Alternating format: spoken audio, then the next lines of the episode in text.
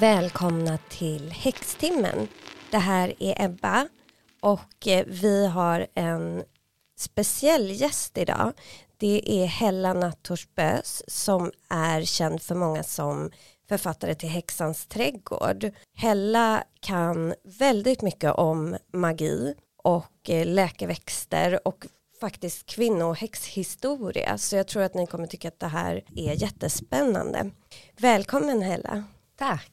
Jag ska säga, du och jag har ju känt varann, kanske inte jättenära, men några år i alla fall. Jag fick din bok faktiskt av min brorsa i julklapp för, det är ju några år sedan, för det var ju din första eh, häxbok. Ja, 2016 kom den. Ja, då fick jag den i julklapp av honom och blev så här jätte alltså den är ju fantastisk. Och sen tror jag att jag tog kontakt med dig när jag skulle starta podd för massa år sedan, men det blev inte riktigt av. Vi spelade in lite, men ja, jag, jag tog mig aldrig igenom det där förrän corona kom och mm. man fick lite mer tid.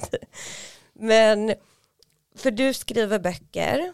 Det stämmer. Jag är journalist i grunden, men eh, jobbar inte som det längre. Sen jag skrev den första boken så har jag blivit författare och fotograf på heltid och häxa också då. Ja, för du är ju typ eh, en av eh, Sveriges mest kända häxor.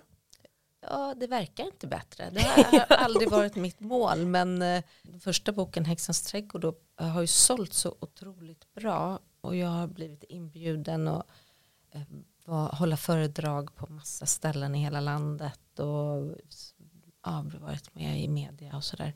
Så det är jag otroligt tacksam och glad för. Ja, för man märker, det märker jag på lyssnarna och så, att alla har ju ett väldigt sug efter magi och växter framför allt. Det är något så himla förtrollande med det. För visst håller du, du håller lite så workshops och så i hur man gör magi. Ja, precis. Det är lite olika inriktning på mina workshops. Eh, jag har haft workshops med där man lär sig att komponera parfym av eteriska oljor men också att göra trollstavar, alltså både för barn och vuxna och um, örtamuletter och häxstegar och allt vad det är. Mm. Um, så um, ja, vi, jag pysslar med lite olika saker.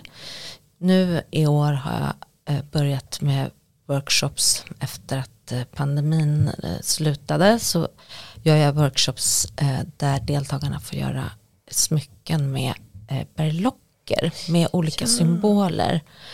Och det har varit helt fantastiskt för att de här symbolerna får verkligen människor att öppna upp och, och prata om viktiga saker på ett sätt som, eh, som jag inte har sett förut. Uh, och det är jätteroligt. Jag är själv eh, helt galen i symboler, har alltid varit så intresserad av det. Så det är väldigt roligt. Det gör jag också, jag älskar också symboler. Jag håller ju på mycket med astrologi nu och då är det så häftigt att lära sig alla de här glyferna och alla symboler som hör till alltså stjärntecknen och så mm. och planetsymboler. Jag satt faktiskt och eh, målade lite idag för vi börjar ju på tvillingsäsongen här i bara två dagar sedan från oxen till tvillingen flyttar sig solen. Då kallar man det för så här Gemini season eller tvillingsäsongen. Och då satt jag och ritade tvillingarnas symboler, mm. vad som hör till, bland annat lavendel. Mm. För tvillingarna är så väldigt kopplade till Merkurius mm. och den lavendel är väldigt kopplad till Merkurius också. Mm. Vad, gillar du lavendel? För, ja, jag älskar lavendel. Jag har alltid en flaska eterisk lavendelolja i väskan och det har jag sett att det är många häxor som har. Ah, ja, ja, okay. Örtgummor. Det har också visat sig när jag har gjort research inför de här parfymworkshopparna så äh, har jag läst historia och sådär och då är det så parfymföretag som har försökt att äh, ta reda på vilka dofter människor älskar mest för att kunna skapa den optimala parfymen då förstås. Eh, och då är eh, lavendel, det är en av de där dofterna som nästan alla människor gillar. Så den har ju någonting som liksom attraherar oss. Ja, verkligen. Men det tycker jag är så häftigt med dig, för det kommer jag ihåg första gången vi träffades var ju i din trädgård på det, du har ju en liten stuga på Söder och att du är så Eh, förankrad i eller liksom koppla samman historia med magi och med växter. Ja, men jag är väldigt historieintresserad och ehm, jag har också sett så här, ju mer jag forskar både om läkeväxter men också om magi och, och, allt möjligt som hör ihop med det så har jag sett att magi har haft en väldigt viktig roll i människans historia. Senaste åren så har ju det här med magi och häxeri och sådär har ju blivit lite som trendigt. Ja, det får man säga. Kanske särskilt bland yngre tjejer men överhuvudtaget. Och en del uh, magiutövare gillar inte det mm. men jag har inget emot det. Och jag förstår också att, att det lockar folk. Men det här har gjort att en del kallar det eh, magi och häxidentiteten för nyandlighet och liksom mm. klumpar ihop det med annat som kallas nyandligt. Och det blir jag lite störd på. Det håller jag inte med om därför att magi är ju den allra äldsta formen av andlighet. Långt innan de stora världsreligionerna uppstod, kristendom och islam och hinduism och så, höll ju människor på med magi, alltså från mänsklighetens början. Eh, det kan man ju se på hur människor begravde sina döda, att man trodde på ett liv efter detta och eh, ja, arkeologiska fynd som visar att man har gjort offer och, och gudabilder och, och sådär. Gudinnebilder förstås.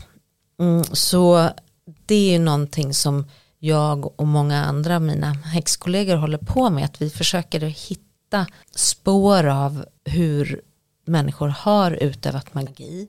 Jag personligen tycker det är väldigt intressant att forska här lokalt i, Sverige, i Skandinavien, Norden. Och det är inte helt enkelt eftersom det finns så lite textdokument bevarade från den här tiden. Men det finns ju lite texter från resenärer som har varit här och, ja, och sen ja, allt från hällristningar till ortsnamn och sånt som man kan liksom läsa in historia i. Så lägger vi ett pussel av de här bitarna. Eh, och fyller i med vår egen, egen erfarenhet och intuition och så hur vi gissar att folk har gjort. Jag fick en rolig sån här som en eh, vision när jag gjorde min senaste bok, Häxans kokbok. Då vaknade jag en morgon och så hade jag fått till mig i drömmen receptet på magi och också receptet på en världsreligion och det var väl för att jag höll på med, med just med kokboken då som jag liksom fick den här visionen av, av formen. Och då det jag kunde se då var att magi är ju till stora delar psykologi. Och mycket av det vi kallar magi har man förut tänkt vara magiskt eller kanske gudomligt då men idag så vet man vetenskapligt att det funkar. Som meditation kan man mäta att det har positiv ja. effekt på hjärnan. Ja, det finns vissa rökelser som man kan se är antiseptiska. Eh, läkeväxter är kanske det bästa exemplet som man fortfarande bara på mitten av 1800-talet trodde var magiska eller gudomliga som man idag kan bevisa hur de funkar biomedicinskt och sen kopiera dem syntetiskt och så. Men då tänker jag att, så att ja, inom magi, psykologi är den största ingrediensen och sen så har vi eh, mystik eh, och så har vi eh, lite humor och massa kärlek och natur, naturupplevelser, försöka leva cykliskt och, och så som är viktigt för många. Ja, och jag tror många längtar efter det. Jag tycker det är intressant bara det här att just uppmärksamma alltså årstiderna gör mycket för hur man mår och vem man är. Men jag tänkte på det när du sa om det här med new age, för det har stört mig också. Jag tycker att det är kul att häxkonst och så har blivit så här på modet, för det säger också någonting om vad människor längtar efter i vår tid. Mm. Men det här med new age har jag så svårt för också, för det är samma med typ astrologi eller tarot så, att man säger att det är nyandlighet. Medan astrologi ju, precis som magi, är så långt tillbaka vi kan hitta i historien. Mm. Så det är snarare någon så här gammal andlighet. Ja, precis. Eller uråldrig kunskap. Ja, och att leva efter stjärnorna och efter ja. månen, planeterna, det har ju människor gjort fram tills för inte särskilt länge sedan. Jag menar, bönder i Sverige odlade efter månen fortfarande för hundra år sedan. Sen tycker vi inte att vi behöver det längre men det är så riktigt gammal kunskap och, och tradition. Men det gör de ju på Rosendals trädgård fortfarande. Men för det var någon gång, jag kommer inte ihåg när det här var, om det var när jag hade någon blogg eller om det var då förra vändan jag tänkte börja podda när jag kontaktade dem och frågade just om jag fick eh, prata med dem om det, alltså fråga hur de gjorde och så. Men då var det jätte så här, nej det är inget vi vill kommunicera utåt och så här, för de ansåg att det liksom snarare då skadade deras varumärke. Mm. Ja det är ju en del bönder som gör det än idag som liksom har plockat upp det där eller som följer den traditionen. Biodynamisk odling som ju är antroposofernas odling, de håller ju fortfarande på med det, mm. åtminstone till vissa delar. Jag är inte jätteinsatt i det men vet att de gör det. Och, ja, lite magiska eh, grejer som de håller på med. Ja, ja. Men du, jag måste fråga, har du en favorithögtid bland häxhögtiderna? Ja, det har jag och det är på hösten. Alltså dö dödshögtiden kan vi kalla den. Halloween eller mm. alla helgon eller Samhain som den heter då inom Wicca. Den eh, gillar jag för att, ja dels så tycker jag egentligen mest om hösten av alla årstider.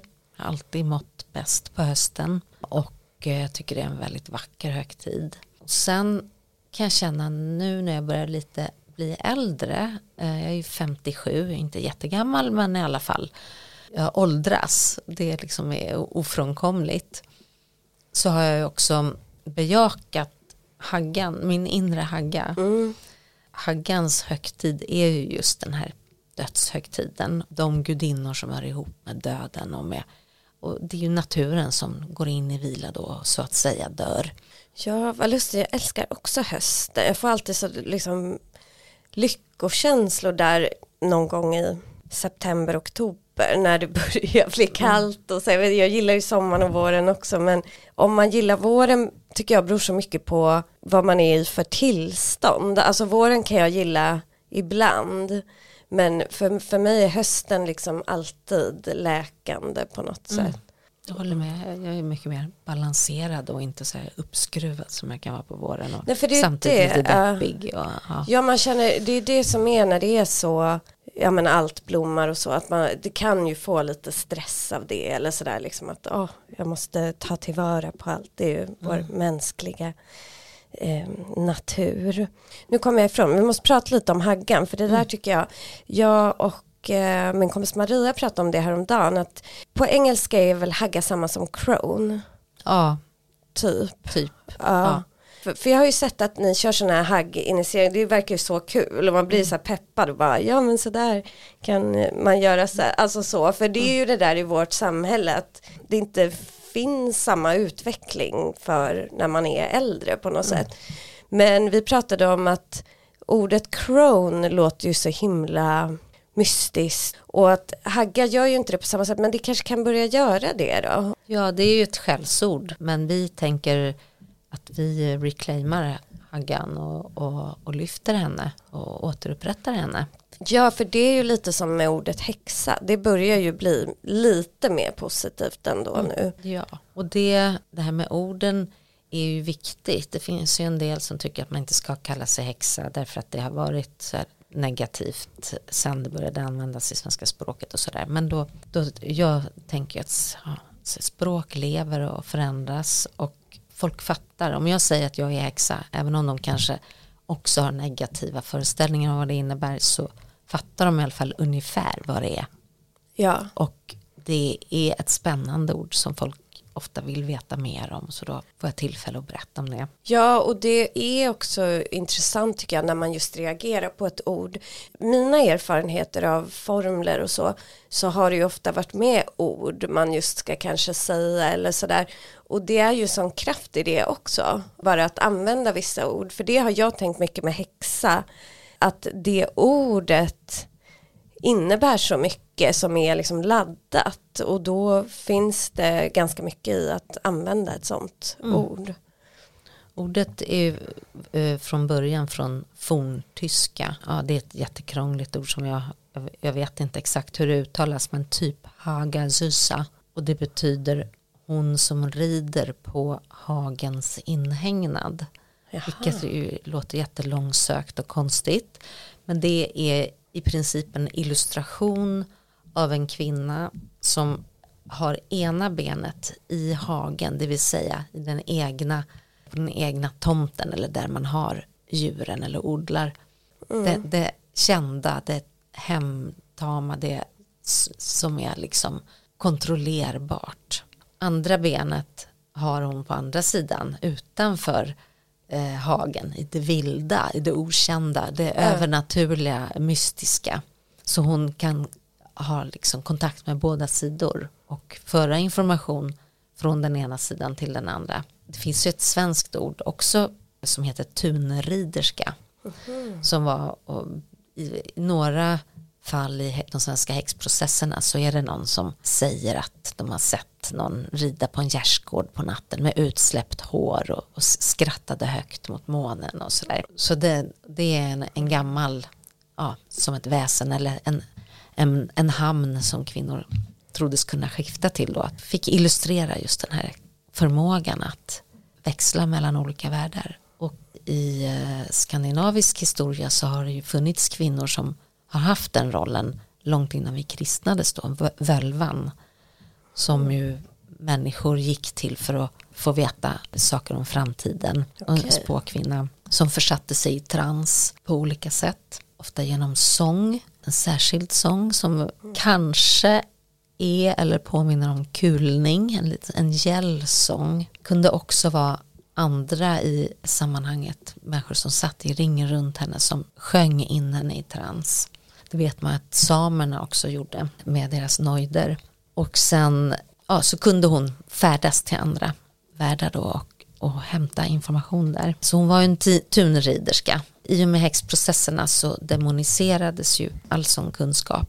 Då blev häxa ett, ett skällsord. Okej, ja men för du vet ju också mycket om det här med, du och jag har pratat om det, jag ska be dig att berätta lite men Alltså hur typ växtmagi och allt sånt är kopplat liksom till kvinnohistoria egentligen och häxprocesserna i det. För visst var det så att det fanns massa kloka gummor. Absolut, det var ju den medicin som fanns att tillgå. Och säkert var eh, många eller kanske de flesta eh, läkeväxtkurer uppblandade med magi. Ta den här ört den, avkok på den och, och, så lägg i lite avskrap från kyrkklockan eller, eller drick den torsdagskvällar i fullmånen eh, vid den nordrinnande bäck eller vad det nu kunde vara. Och det var ju kloka gummor och, och, ibland kloka gubbar som hade den här kunskapen. Och det här kallades för lövgeri om man använde växter. Var det utan växter så kallades det för signeri och det var ju alltså om man uttalade besvärjelser. Och det var ett brott enligt Bibeln långt tidigare men det ansågs inte vara så allvarligt. Det finns enstaka fall i svensk rättshistoria där kvinnor har blivit dömda till straff för att de har utövat lövgeri eller signeri. Men det är väldigt få fall som man vet och det har inte varit så hårda straff för det mesta. Och då trodde man ju att de här kvinnorna som hade den här kunskapen kunde både hjälpa människor eller du vet, se till att det blir bättre skörd eller korna mjölkar bättre. Eller använda förgörning, alltså mm. ja, svart magi då. De som blev avrättade under häxprocesserna, där var ju de flesta inte kanske kloka gummor eller gubbar som utövade magi mer än vad alla människor gjorde. För att alltså ute på landet, där ju nästan alla bodde på den tiden, så höll folk på med magi det räckte liksom inte riktigt med att be till Gud utan då fick man ta till andra metoder och det kunde ju vara allt från att spika upp en eh, uggla ovanför lagårds, lagårdsdörren för att hålla maran borta från hästarna eller borra ett hål i tröskeln och släppa ner en orm när huset stod klart för att ge mm. beskydd och ja, allt möjligt sånt där. lä läsa en besvärjelse innan man börjar kärna smöret för att smöret inte skulle skära sig. Och det har folk hållit på med, kyrkan gillade det inte. Kyrkan gillar inte heller, eller gillade, att vi hade naturreligion.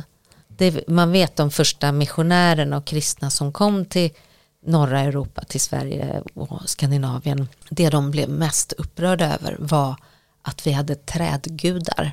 De, de, där trädgudarna, de måste vara bort. Och okay. att vi eh, utövade vår magi eller vår tro då utomhus i naturen. Folk skulle in i Guds byggnad, Guds hus då i kyrkan. För det är lättare att ha koll mm. över dem. Och allt som är i naturen var vilt, ociviliserat och, gick inte att kontrollera. Och eh, dit hörde också kvinnokroppen. För mannen ansågs vara mer civiliserad och mer eh, intellektuell medan kvinnan och kvinnokroppen är liksom det vilda. Man menade ju också att kvinnor hade en helt vild sexualitet om, man, om hon släppte den fri. Vilket hon gjorde med djävulen då och, och, om hon var en, en ond kvinna. Just. Mm. Och sen finns det andra kopplingar också mellan läkeväxter och häxprocesserna. En viktig sån koppling är att bakgrunden till häxprocesserna den har, har man diskuterat väldigt mycket. Många historiker som har forskat på här, varför uppstod de egentligen. Det tog ju ett par hundra år innan de kom till Sverige. De började ju på 1400-talet i Tyskland framförallt. Och eh, det var ju påven som kickade igång häxprocesserna. Vissa historiker som jag är anhängare av då menade att motivet till det här var att få upp befolkningstalen vilket i sin tur berodde på att nästan hälften av Europas befolkning hade dött under pesten på 1300-talet. Det fanns för lite folk i Europa och kvinnor gjorde abort. Det var socialt accepterat att göra abort tidigt under graviditeten innan hon kände fostrets rörelser i livmodern, vilket brukar vara i typ fjärde månaden någonting. Så då var barnet oönskat så kunde hon göra abort och vem visste hur man gjorde abort? Jo, det var ju kloka gumman. Ja, det. Och eh, det gjordes med hjälp av örter som var aborterande. Eh, relativt säkert också. Det var, var liksom inte vassa galgar och sånt där som används senare Nej. i historien. Vet du om den här Kom liljor och akvilej ut i vår hage, att mm. det är ett abortrecept. Ja, jag har eh, analyserat det där receptet. Ja, så, ja. ja, det kan vara det. Vissa av växterna som nämns där är fosterfördrivande. Men jag lutar kanske åt att det är mer en, en kärleksdryck, en afrodisiakisk uh. dryck. Okej, okay. ja spännande. För det kan vi ju säga till lyssnarna att det var väl så att man förde vidare sådana här recept genom typ sånger och visor och sådär. Ja, och också genom vad man döpte blommor till. Ah, ja, eh. hjärtstilla. Ja, precis. Och, och, vissa växter hade kanske kvinnonamn. En del av de där namnen har gått förlorade för det var namn som man hade i olika delar av landet hette de olika saker och, och sen när vi mm. kristnades så bytte man ut många av namnen som just de här kvinnoörterna då fick namn som till exempel ja, som anknöt till jungfru Maria. Det kunde vara växter som var aborterande eller smärtstillande eller på ett eller annat sätt hjälpte kvinnor. Men tillbaka till ja. påven då, 1484 tror jag det var. Jag har så dåligt sifferminne så jag kommer ja, men det, någonstans, det är alltså medeltid pratar vi om. Ja, lite efter medeltiden räknas. Ja. Det är runt reformationen. Då. Ja, mm. då skrev påven en bulla. Europa var ju fortfarande i princip katolskt överallt. Och påvens bulla var som ett lagbrev. Och den här bullan som har ett långt och krångligt latinskt namn i den så skrev han att eh, det finns häxor, att barnmorskor är häxor. Oj. Det är eh, bannlyst att använda smärtstillande förlossningsunderlättande örter under förlossningen. Mm -hmm. Därför att att eh, när Eva hade bjudit Adam på kunskapsäpplet då blev ju Gud vred och gav Adam i straff att han skulle bruka jorden i sitt anletes svett bland tistlar. Och Evas straff, alla kvinnors straff, var att föda i smärta.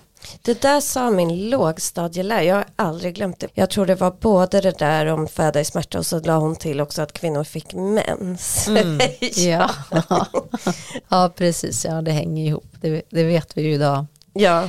Men då, från och med nu så, så var det då ett, att häda, att sätta sig upp mot Guds vilja om man underlättade, lindrade mm. en, en förlossning. Och det hade, vem var det då som man gick till för det här? Ja, det var ju barnmorskan då, eh, jordemodern, som oftast var samma person som kloka gumman. Så vissa kände säkert till ändå vilka örter som var aborterande och, och bra vid förlossningar. Men eh, det blev liksom typ förbjudet att gå och få hjälp av någon mm. med det här. Motivet till det här var då antagligen att få upp befolkningstalen. Ett annat motiv kan ha varit att man förstod att det var bra att skärpa kontrollen över kvinnokroppen och kvinnans sexualitet. Inte bara för att, hon skulle föda fler barn utan också för att det handlade egentligen om samhällsekonomi. För att Europa hade förändrats väldigt mycket. Delvis på grund av den här pandemin, pesten då. Så från att tidigare ha varit små furstendömen där eh, rika adelsmän regerade och hade bönder som var mer eller mindre livegna som jobbade för dem så började de här furstendömen flyta ihop till större riken med mer det som vi idag kallar nationer med kungar. Och pesten bidrog också till att det här är lite långt och krångligt och jag är ingen historieexpert men jag har förstått att pesten bidrog till att allt fler bönder fick en egen bit mark. När de här stora slottsmarkerna stod obrukade då för att kanske även den äh, greven hade dött eller många av bönderna så kunde man liksom dela ut jord till fattigare bönder så att mer människor började äga en gård och då blev det viktigt att veta vem som skulle ärva den här marken och gården. Och det var ju oftast äldsta sonen och då så var det viktigt att veta att det var herrn i huset som var pappa till det här barnet. Det vill säga att kvinnan inte hade varit otrogen. Det var ju ett förbud som kunde straffas med döden redan tidigare men nu blev det liksom mer på kartan. Det är ett slags hedersbegrepp som ja, liksom stärktes under den här tiden. Ja. Ibland pratar man ju om den mörka medeltiden men för kvinnor var det faktiskt så att kvinnans roll i samhället degraderades efter medeltiden. Jag bara tänker på hela historien, också vad som sker idag, såg igår, bara blev påmind om det. Till exempel på Cannes filmfestival så var det en kvinna som protesterade Just filmen. Ja, mm. mot att eh, kvinnor blir våldtagna i Ukraina och sådär. Men också i USA som vi pratade lite om på telefon att eh, man vill ta bort aborträtt och så. Men så här det är så sjukt vad, vad är det i män som har gjort att de alltid har velat typ döda kvinnor? Mm, ja du.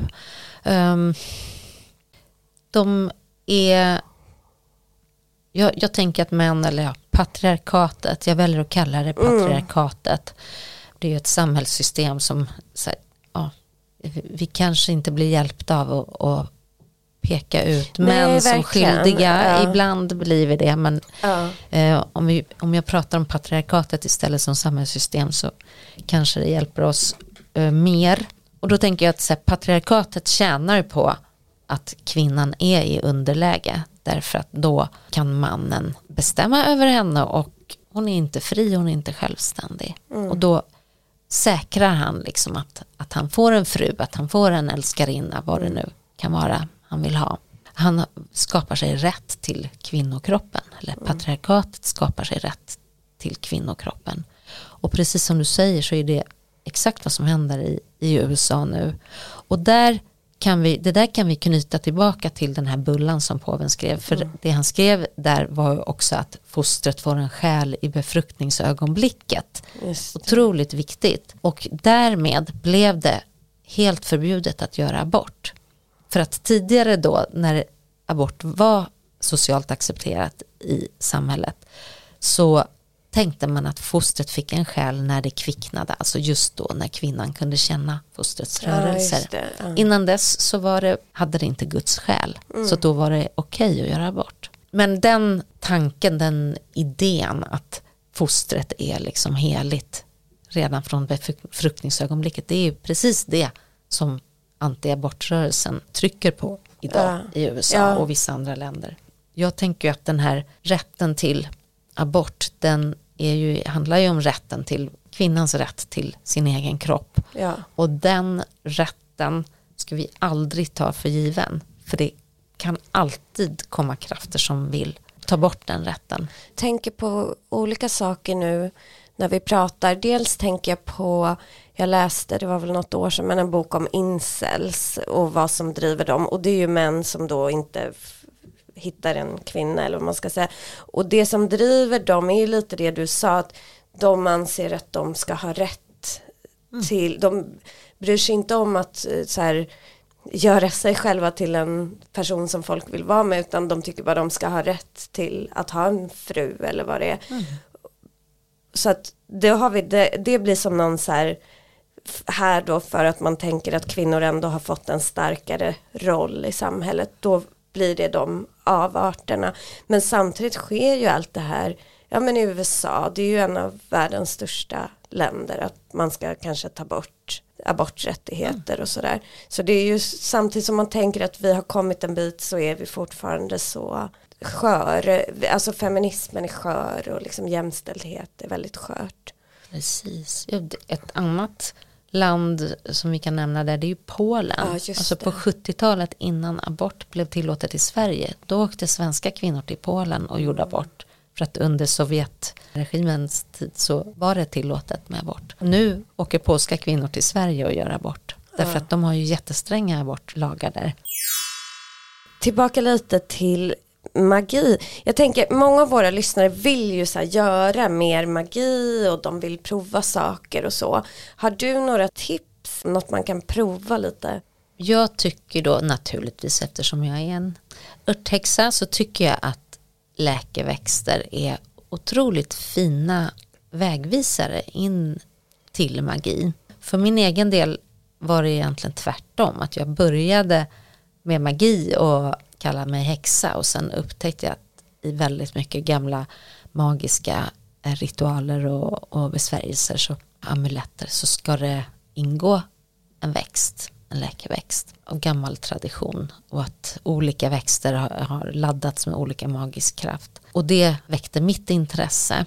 Men jag tror att för den som är nyfiken på magi och vill liksom ta ett litet kliv in i magins värld så kan man gärna gå läkeväxtvägen och då kanske bestämma sig för att lära känna till att börja med bara en enda läkeväxt du som lyssnar på det här, du kanske har en åkomma eller någonting som du skulle vilja åstadkomma magiskt.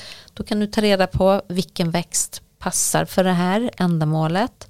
Ja, och just nu den här tiden på året så finns, har ju alla växter växt upp så att säga, även om inte alla blommar än. Så det är en jättefin tid att gå ut, lära sig, titta i en bok eller googla på nätet, hur ser den här växten ut?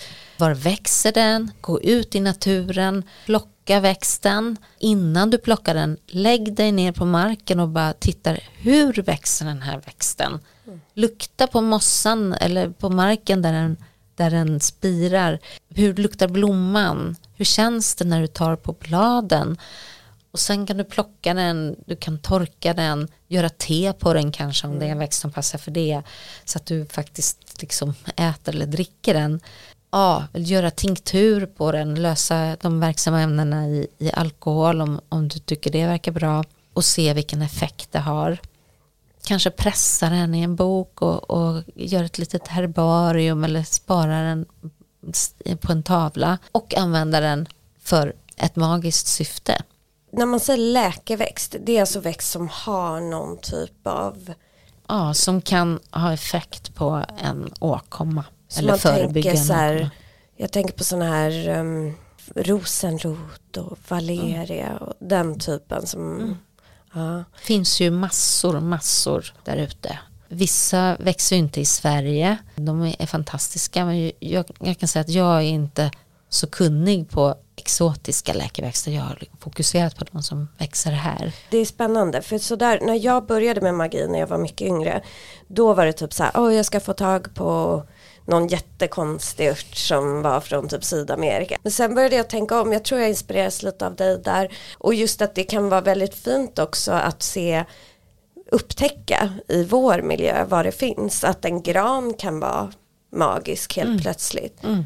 Supermagiskt träd ju. Ja, man öppnar sig för naturen som finns runt om en.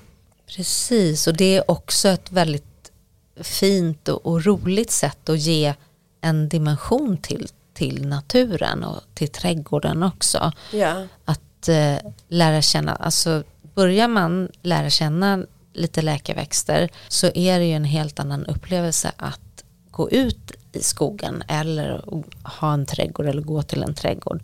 Plötsligt ser man så åh där är den där och den är så här, löktrav som mm. alla kallar ogräs. Den är ju supergod fortfarande innan den blommar och ja, vad det nu kan vara. Det är som att skogen får ett annat liv faktiskt, eller mera, ja. ännu mera liv. Ja. Och trädgården. Jag säger en sak också som du sa till mig första gången vi träffades som jag kommer ihåg att du sa att för alla typ åkommor vi människor kan få eller har så finns det en växt i naturen som är jag kan klippa bort det här om du inte mm. har sagt exakt så här men eh, har mot, alltså är på något vis botemedel mot det eller sådär. Alltså typ om man tänker så här depression så finns det glädjande och sådana. Mm. Ja, så är det. Jag skulle väl inte säga alla växter för att väldigt allvarliga sjukdomar som cancer till exempel. Ah, det räcker inte att gå ut och, och, dricka en kopp chaga så blir du frisk. Nej. Utan då behövs det allvarliga grejer. Men väldigt många åkommor finns det ju växter som mm. kan hjälpa oss med. Det jag tyckte var så häftigt då, jag kommer inte ihåg hur du sa det, men det är liksom som att vi är sammanlänkade med naturen. Vi hänger ihop med allting. Mm. Så är det, det gör vi. Och det är också en fin känsla, eller en fin, det är också en fin upplevelse att känna det här. Jag, jag är ju bara en länk här och, mm. och, och växterna är mina vänner, djuren är mina vänner och och jag vill vara deras vän också. Ja. Det kan också, tror jag, hjälpa oss att vara, liksom, leva i samklang med Moder Jord och ja, vara ja. schysst mot henne. Ja, och vi ska bli jord sen. Vi ska ju det. Ja. Och kanske någon blomma mm. som växer upp där vi, beroende på hur man blir begravd nu i mm. modern tid. Men det skulle ju vara, jag tycker det finns en fin tanke i det där att man skulle bara hamna i jorden och så växer det blommor och sådär. Men det blir väl inte riktigt så. Jag har faktiskt bett mina barn att jag ska få bli ett skelett. Ja, jag har sagt att om de inte vill det så slipper de. Men det, det är min önskan. Jag vill också det. Och jag har också bestämt att mina föräldrar ska bli skelett. Men de vill inte det. De vill bli mm. kremerade. Men jag är så, nej, men det är jag som är kvar. Jag tycker det är mer jag som får mm. bestämma det. Men har du en eller två favoritväxter eller någon du jobbar med nu eller så? En av mina favoritväxter är ju valeriana som du nämnde mm. eller vänderot som den heter Just på svenska. Just det, det är samma ja. ja. Och den tycker jag om dels därför att den har använts mycket inom magi och folktro. Den, det är roten främst som man använder där och den har en otroligt stark och inte helt angenäm doft. Den innehåller ett ämne som även finns i människors fotsvett. Jaha. Och det här ämnet påminner tydligen om de feromoner som katter utsöndrar när de vill para sig. Och även delvis hundar tror jag och igelkottar och hästar har jag för mig också delar det här, den här feromondoften. Eh, och det kan man se att de, min egen katt hon blir helt tokig när hon får lukta på vändrot. Det har också en lugnande effekt mm. på henne. Och den är ju sömngivande framförallt då. Så jag har tinktur på vändrot som jag har i nattduksbordet som jag tar om jag är sömnlös. Det är alkohollösning då, behöver man inte ta så mycket som ja, droppar 15-20 droppar i ett glas vatten och sen så sover jag jättegott en, en stund senare. Det är en favorit. Och den här, just det, om med, det ska jag säga om vändrot också att den här lukten har säkert bidragit till att man använder den för att fördriva onda makter och sådär. För mm. att man jobbade ju väldigt mycket med principen att ont botar ont för ju äckligare en medicin var desto bättre effekt skulle den ha. Mm. och då tänkte man också att ja, den här roten som luktar så illa den måste skrämma bort djävulen. Och, så. så man hängde upp den ovanför dörren eller sydde in den i kläderna och, och, och så för att ja, hålla, hålla dåligt borta och dra till sig det som är bra. En annan favorit är humle. Mm. Har ju också en jätteintressant historia. Har en växt som har haft ett väldigt stort inflytande på Europas historia. Och eh, inte minst på kvinnohistoria. Det är som man gör öl av. Ja, precis. Humle kom till Europa på 1200-talet. var en, en kvinna, en örtkunnig abbedissa som hette Hildegard av Bingen. Ja, men henne känner jag till. Hon ja, är rolig. Ja, ja. Supercool. Hon eh, kampanjade för humle och så småningom spred sig den och på 1400-talet så stiftades det en lag här i Sverige som tvingade alla bönder att odla, jag tror det var 200 humlestörar var.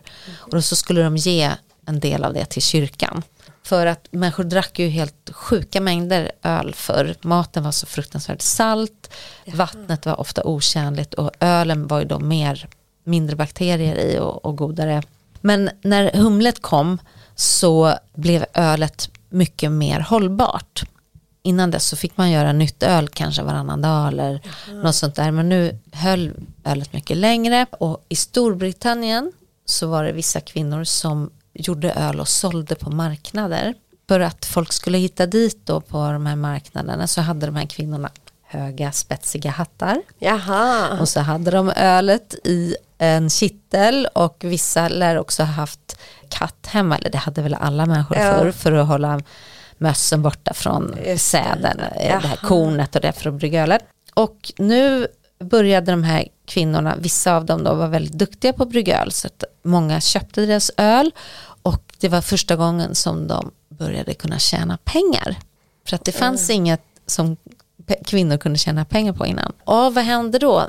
Då blev männen väldigt nervösa och började sprida rykten om att det här ölet var förtrollat, att kvinnorna hade mm. hällt någon ondskefull ingrediens i ölet.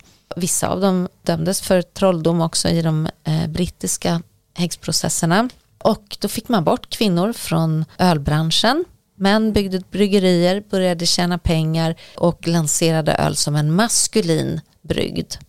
Och fram tills dess så hade det varit kvinnogöra att brygga öl och det är ju ett av de allra äldsta recepten som finns bevarade är faktiskt ett recept på öl från ja, någonstans i Mellanöstern där. Och där de hade även en, en särskild ölgudinna och, och sådär. Och det var, det var kvinnor som bryggde öl redan då fast utan humle. Men humle är också en eh, personlig favorit därför att det innehöll, det är också sömngivande och lugnande, mm. men det innehåller också ett fytohormon, alltså ett växthormon som är östrogenliknande, som har fin effekt på klimakteriebesvär som vallningar och svettningar och så. Och där har vi alltså en typ av häxarketyp eller man ska säga kommer från de här ölkvinnorna. Ja, precis. Och en som eh, tog fasta på det här det var ju Shakespeare Jaha. i hans pjäs Macbeth. Den börjar ju med att tre kvinnor haggor då, står runt en kittel ja, och konspirerar, det. läser besvärjelser och lägger ner eh, paddor och ormar och vad det är i den här kitteln och uttalar spådomar. Och det var ju också under de brittiska häxprocesserna och, så, och det är klart att han hade hittat en jättesmart grej där för att ja, göra pjäsen spännande och yeah. föra handlingen framåt och så. Även den här bilden av tre haggor som konspirerar runt en kittel, den har verkligen blivit en ikon ah, som har upprepats många gånger i populärhistoria och så. Och där finns det ju också en koppling till häxprocesserna och även till modern tid, tänker jag. Därför att under häxprocesserna så, det var lite olika olika länder, men här i Sverige så var det väldigt vanligt att barn vittnade om att de hade blivit förda till Blåkulla, till häxsabbaten där. Och häxsabbaten skulle ju då vara en fest som djävulen bjöd sina medhjälpare häxorna på, oftast på skärtorsdagen, som belöning för att de hade hjälpt honom under året. Det här kan man ju säga är en konspirationsteori då, att de här, onda, de här ondskefulla kvinnorna eh, åkte och träffades på Blåkulla och konspirerade med djävulen Ja, för att kunna utöva sin ondska. I själva verket så var det ju så att de kloka gummorna, eh, de som kanske utövade magi och kunde lära ut det, de eh, åkte ju säkert väldigt sällan utanför sin egen socken. Alltså, Mm.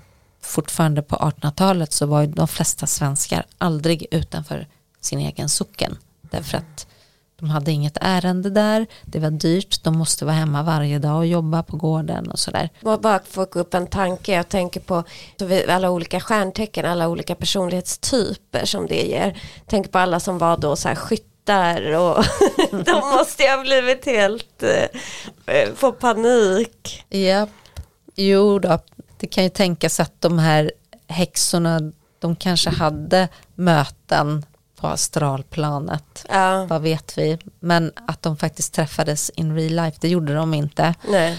Däremot se- så ser jag en koppling till metoo-rörelsen. För att den var ju, okej, feminismen också naturligtvis.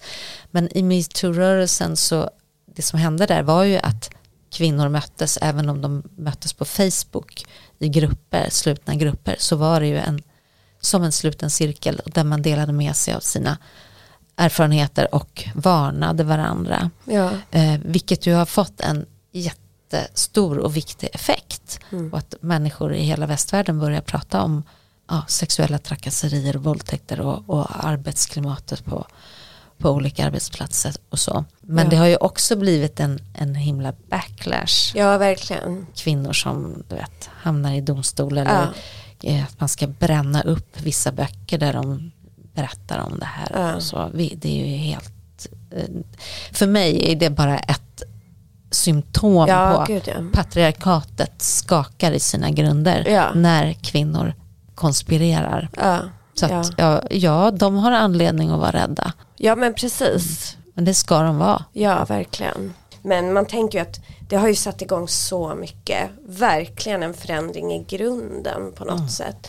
Så man tänker att det kommer ändå leda till bra. Ja, jag tror det. Samtyckeslagen har ju kommit här Ja. i Sverige. Kanske förhoppningsvis en större medvetenhet om, eh, i domstolar så om våldtäkt och Men och jag får också någon slags känsla, eller har jag fått, av att innan metoo så, för jag har ju jobbat på många olika medieföretag och mina första arbetsplatser så var det ju så att det var inget konstigt att män så här tafsade eller det var liksom så det var och eh, det upplever jag efter metoo att det inte är lika okej längre. Men vågar inte, vilket ju är positivt. De vågar inte bete sig riktigt så längre för de vet att de kan förlora mycket på det. Och det är ju väldigt bra om det är så. Ja. Lite i alla fall, alltså det är klart de fortfarande beter sig men jag upplever i alla fall att det har blivit lite förändring så. Ehm, jag får ju ofta frågan om vem som kan bli en häxa eller som kan Ja. kalla sig en häxa. Och då brukar jag säga att jag tror att vi alla har en inre häxa. Och då kommer vi tillbaka till den här att magi är den, liksom den ursprungliga andligheten. Jag tänker att vi alla har ett andligt behov. Och här i Sverige, vi är världens mest sekulära land, eller ett av dem. Det är bra på många sätt tycker jag att vi inte är slavar under en religion, men vi har ofta inte formulerat vad är det, hur ser den här andligheten ut egentligen? Vi får liksom inte lära oss det eller uppmuntras inte att göra det någonstans och då tror jag att vi, det är många av oss som känner en stor andlig tomhet. Så har det varit för mig och för mig har det varit det är en viktig del av min häxidentitet. Inte bara att säga att oh, jag har lärt mig att kunna trolla till mig olika coola grejer utan att det, jag har formulerat hur den här andligheten ser ut, vad det är jag tror på och inte tror på. Och det har också gett mig en jättefin gemenskap. Mm med, både med de som har gått före och de som kommer sen, men också med andra magiutövare. Och det är jag otroligt tacksam för, för det är så stärkande. Och det vill jag också säga till den, den som är nyfiken på att utveckla sin magi. Att säga, du har den, du kan utveckla den, ingen kan ta dig, den ifrån dig och gärna att du söker dig till andra. Du kanske inte måste träffa dem i verkliga livet men eh, hitta Facebookgrupper mm. eller eh, någonstans där du bor där du kanske kan träffa någon ibland bara och gå ut i skogen och trolla eller ja. Ja, fira någon högtid. Um, det är väldigt, väldigt fint. Ja, och det där, för det är faktiskt också våra lyssnare har frågat sådär, hur hittar jag andra häxor och så. Det blev ju tydligen ganska stort med online covens under pandemin. Mm. Så att om man bor i en liten stad eller inte hittar andra häxor i närområdet så är ju det verkligen ett alternativ. Ja. Att kolla upp. Det är det och det, det finns ju vissa poddar och Facebookgrupper framförallt som är ganska stora där man också kan bli medlem och söka andra lokala ja, häxor. Det är lite kul för vi har ju en så här stängd Facebookgrupp för de som är våra Patreon som heter Häxtimmen Coven. Och där vet jag att folk har just hittat varandra så att de kan ja, det är jättefint. Ja, starta sina egna och de pratar om liksom, tips och grejer där i. Så det är ju fint. Det är mycket bra. Gemenskap behöver vi. Ja, vi gör ju det.